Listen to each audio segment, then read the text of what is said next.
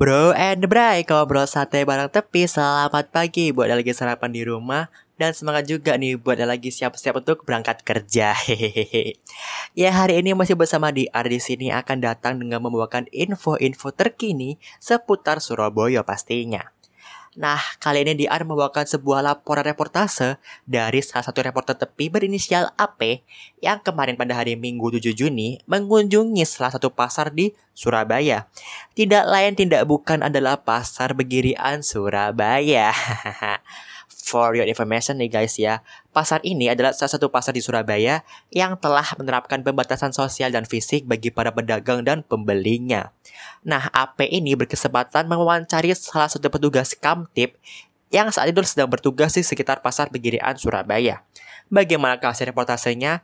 Oke, tapi sebelum aku memutarkan rekamannya nih, ada sedikit permohonan maaf nih dari AP bila banyak sekali noise atau banyak sekali gangguan-gangguan dalam rekaman reporter reportasenya.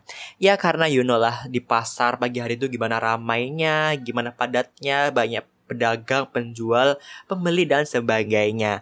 So, apa minta maaf sekali kalau sedikit terganggu dengan nuansa-nuansa pasar di pagi harinya. Tapi nggak apalah biar sedikit natural, natural gitu lah. Kalian kalau yang nggak pernah keluar kan jadi tahu gimana sih kangennya suasana pasar itu kan. Oke, tanpa lama-lama, tanpa berlama-lama lagi, aku akan putarkan rekaman reportasenya dari AP. Check this out. Ini dia rekamannya sering cuci tangan karena kan sudah disediakan ada dua di depan iya. gitu kanan kiri ada dua jadi untuk sering cuci tangan terus kalau uh, ada di mana-mana itu harus selalu pakai masker Iya, tadi saya juga lihat banyak petugas yang kayak mengingatkan kepada uh, penjual-penjual untuk senantiasa pakai masker. Nah itu apakah ada bantuan masker atau mereka itu pak sendiri? Kalau masker kita sudah pernah bagi-bagi masker juga sudah terus uh, apa uh, cairan untuk tangan itu? Oh hand sanitizer. Iya itu juga sudah dibagi-bagikan juga. Pernah gitu. Terus, kalau memang mau beli sendiri kan monggo kan gitu. Yeah. penjual-penjual yang di sini dagangnya tetap misal pedagang A akan selalu di sini atau terserah mereka akan di sini besok di sana atau Enggak, gini, uh, untuk yang jualan di sini kita kan macam-macam item gitu ya. Jadi yeah. kalau masalah tetap di sini atau di sini kan terserah. Pokoknya kita udah menyediakan tempat kota-kota ini biar diisi kan gitu. Iya.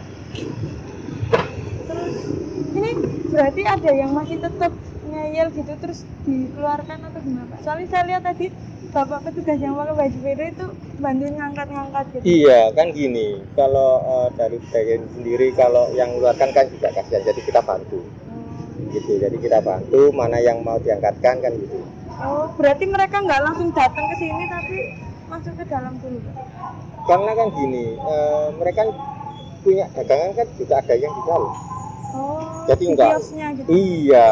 Sebenarnya ini pedagangnya itu punya stand masing-masing dan barangnya juga standnya masing-masing. Bukan terus ada dagangan datang langsung terus digelar di sini enggak. Itu kan PKL namanya kan gitu. Nah gitu loh.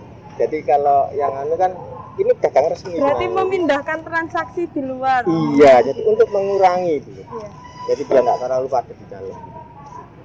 Social distancing kan gitu. Iya. Terus pedagang-pedagang yang dipindahkan itu yang kriterianya seperti apa Pak? Soalnya tadi saya sempat masuk itu yang bagian penggilingan itu kan tetap di dalam gitu. Apakah yang mungkin dagangannya bisa dipindahkan dipindahkan, tapi untuk penggilingan kan sulit untuk dipindahkan itu nggak dipindahkan. Tuh, gini, kalau gilingan itu kan dia uh, ada yang setanya kan kios. Yeah. Nah, ini tuh diperuntukkan untuk setan yang kecil-kecil terlalu bertempetan. Jadi kita ngaturnya itu kan agar ada jaraknya iya. gitu kalau di luar kan standnya rata-rata kan luas nah kita yang nyari yang istilahnya yang dempet-dempet standnya iya. jadi dia tidak terlalu berdekatan iya. gitu ini dimungkinkan sampai kapan ya Pak ya seperti ini? PSBB Surabaya. Oh berarti tujuh tanggal.